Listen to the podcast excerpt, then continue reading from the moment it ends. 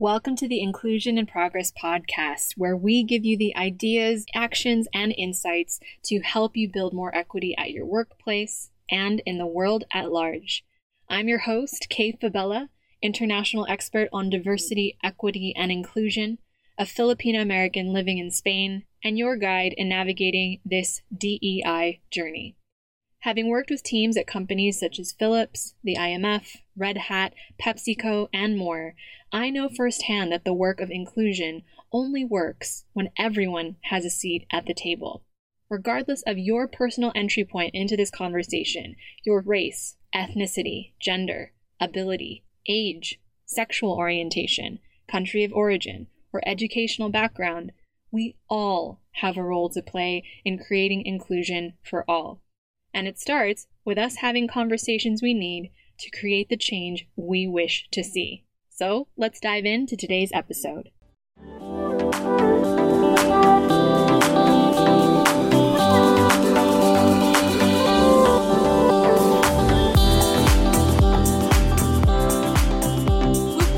It is officially 2020, and I'm Barbara Walters. No, I'm kidding. no, but seriously, it is the start of a brand new decade, and I honestly can't believe it. I don't know if you guys can. It's, I don't know. It was really, what did someone say to me the other day? The 1980s are now officially 40 years behind us, and that just made me kind of go, whoa!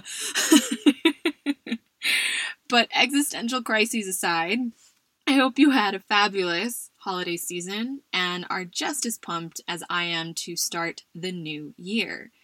So, my husband and I stayed in Madrid this holiday season. We spent time with family and friends who stayed in town, taking in Christmas lights, wandering through night markets, trading white elephant gifts while sharing bites of my personal favorite, the yummy Roscon de Reyes. You just gotta love that mix of American and Spanish traditions, right? and really taking time to reflect back on 2019 and even if i'm going to be honest because i'm I really love these kinds of exercises, the decade itself. I also had plenty of time to journal, got my introvert on.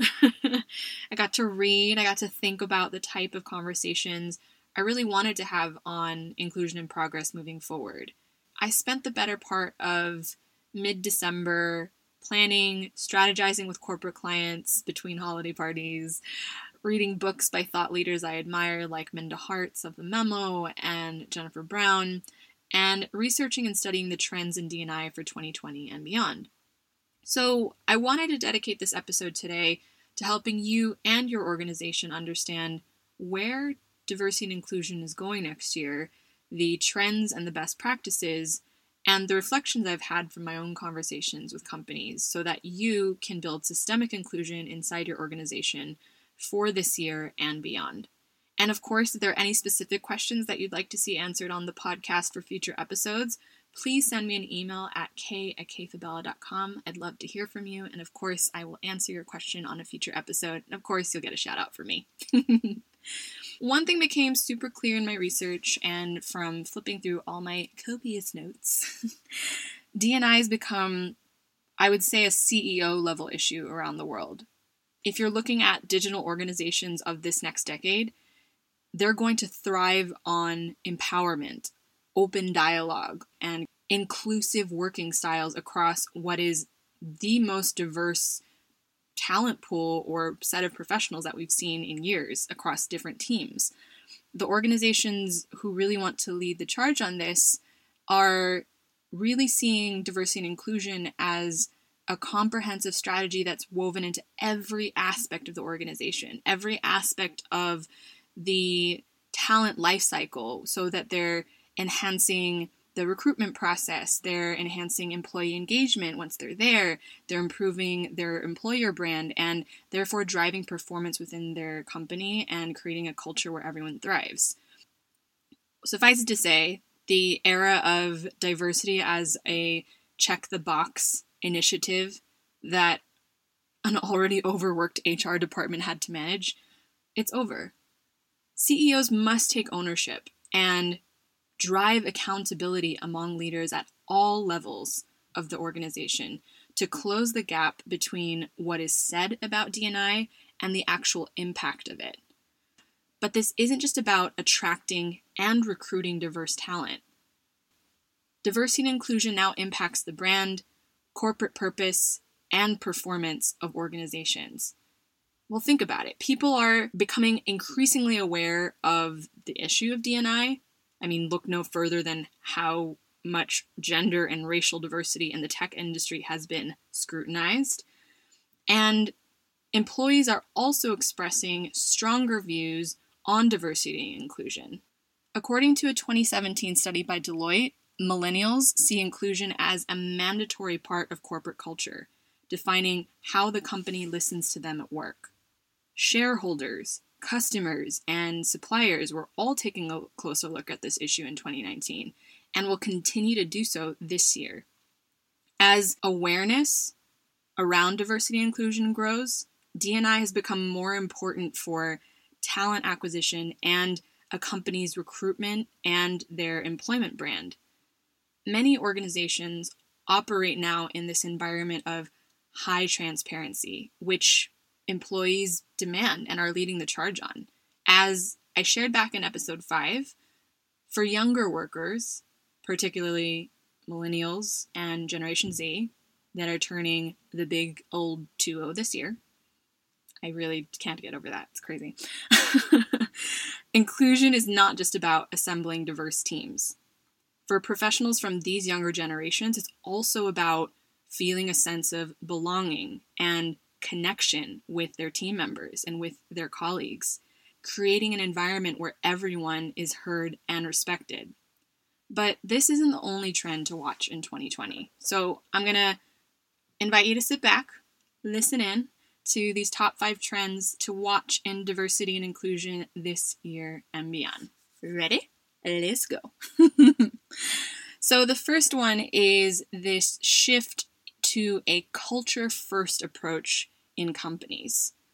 The Business Roundtable that happened at the end of 2019 is a prominent group of nearly 200 CEOs from the world's biggest brands. And they all got together and declared that shareholders were no longer the central purpose of today's companies. Their new mission statement, which was revised for the first time ever, states that employees are the focus of the modern corporation, along with customers, suppliers, and the broader communities in which companies operate. Talk about a massive shift, am I right? I mean, think about it. It's mind blowing. The leading organizations in the world formally announced that they were shifting their priorities to their people over their profits, meaning that they were more concerned with creating a people focused culture within their organizations, elevating employee engagement and retention to a core focus for their business priorities. There are now numerous studies linking employee culture to better financial performance, innovation, talent attraction, ethical workplace behavior, customer satisfaction, and more. A decade ago, there was very little data to come to this type of conclusion, and today there are hundreds of studies. You can see that it's driven this overwhelming intellectual shift that has changed the minds of CEOs about the deep impact of workplace culture on business. In fact, Glassdoor's latest study found that the top three drivers for worker satisfaction were one, culture, and values related to a broader purpose and positive change in the world. Two, high quality senior leaders who were empathetic, inspiring, and competent.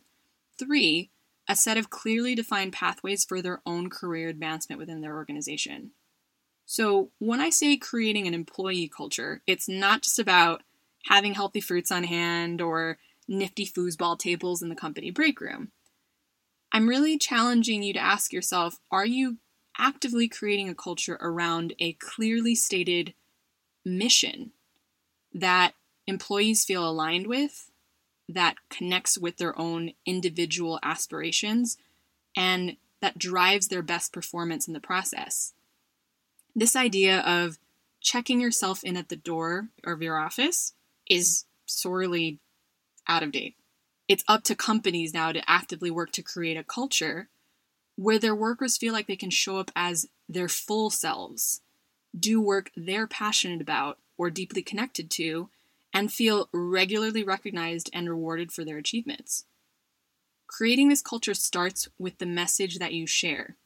And if you're a manager or executive who needs guidance on how to create and cultivate an engaged employee culture in your organization, book a call with me at the link in the show notes so we can discuss solutions that are tailored for your company's needs. The second trend is refreshing of hiring playbooks in anticipation of not just demographic, but economic shifts. So, I didn't want to start this episode on a downer, but by the time this airs, the UK will have finally pulled the trigger on Brexit.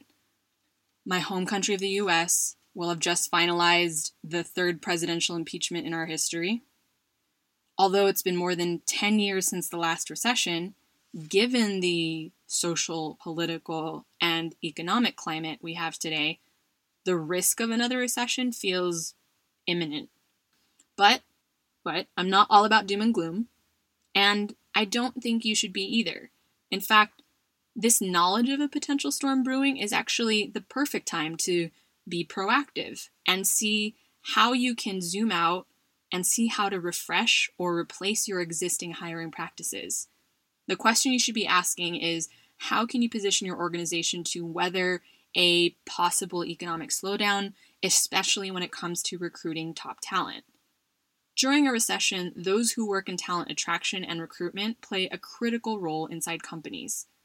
The best strategy for protecting a company's talent resources during a downturn is to develop a written talent contingency plan today, outlining a roadmap for prioritizing human resources with a special focus on protecting employee culture and branding in the unfortunate case of an economic downturn or recession.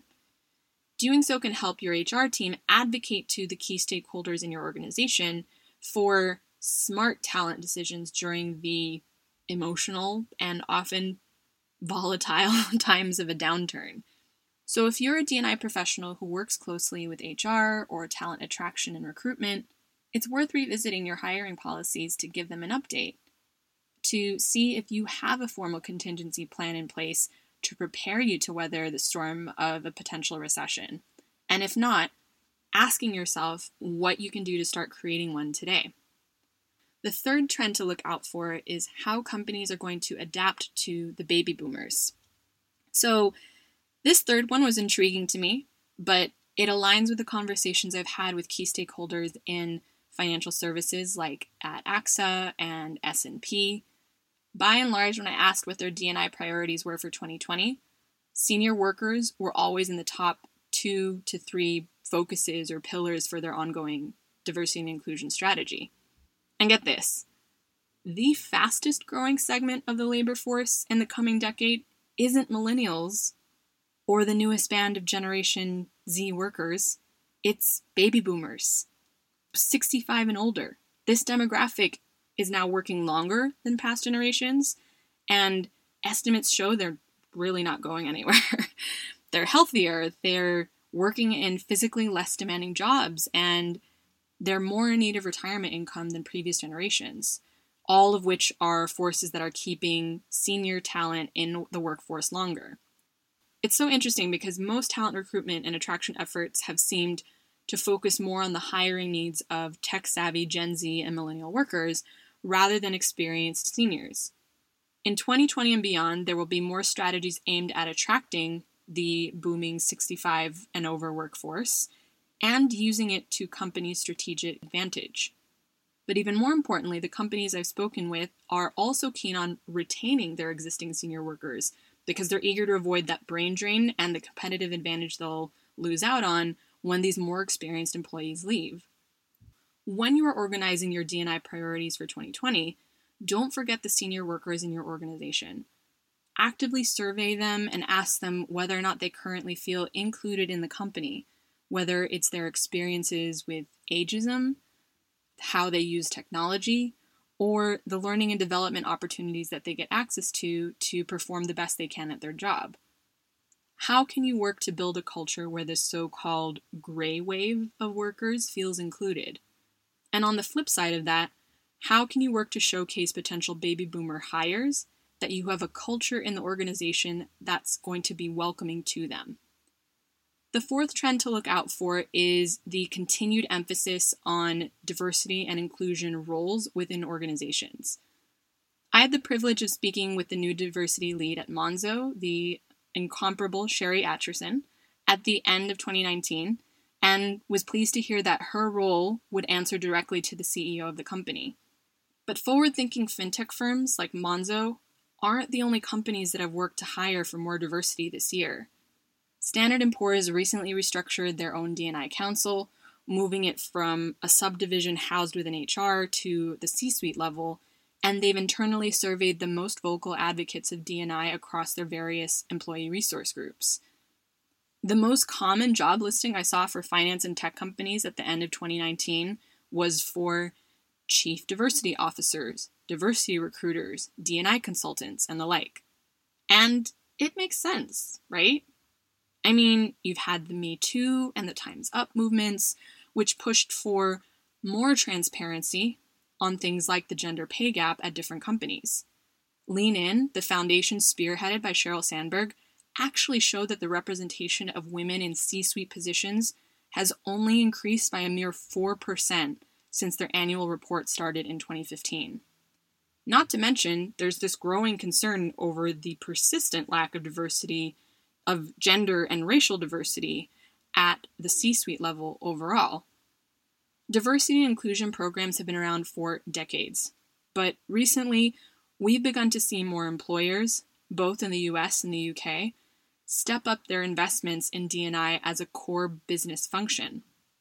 But to actually build a meaningful diversity inclusion initiative that really helps establish that culture where your diverse talent feels welcome, your company needs expert leaders and managers to operate these initiatives.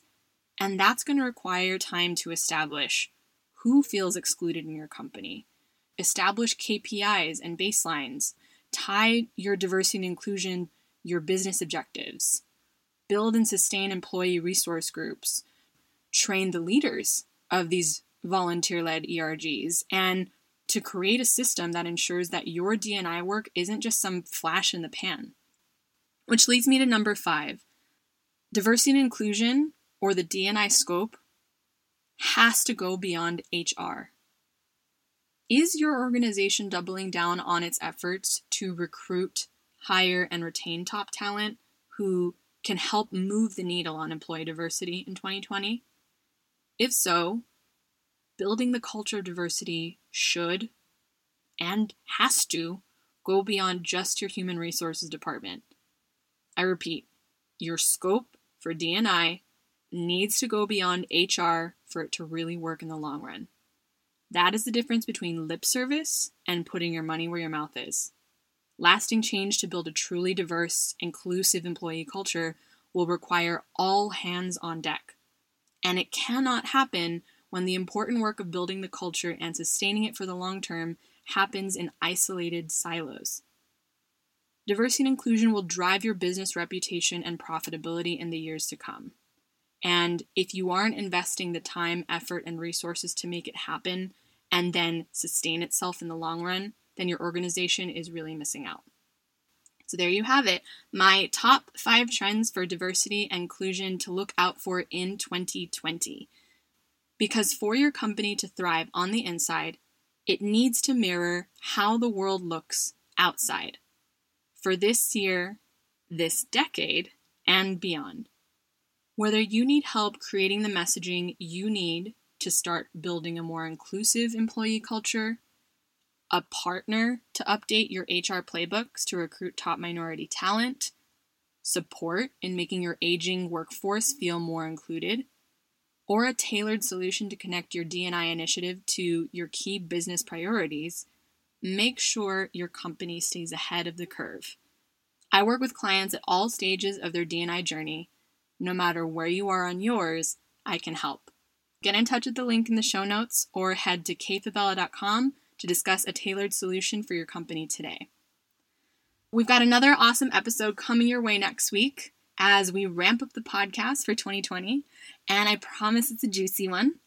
And thank you so much for tuning in to Inclusion in Progress. Please remember to subscribe, rate, and leave a review for us on iTunes. And of course, My virtual door is always open if you ever want to send an email at k at kfabella, F as in Frank, A B as in boy, E L L A dot com. See you next week for another episode.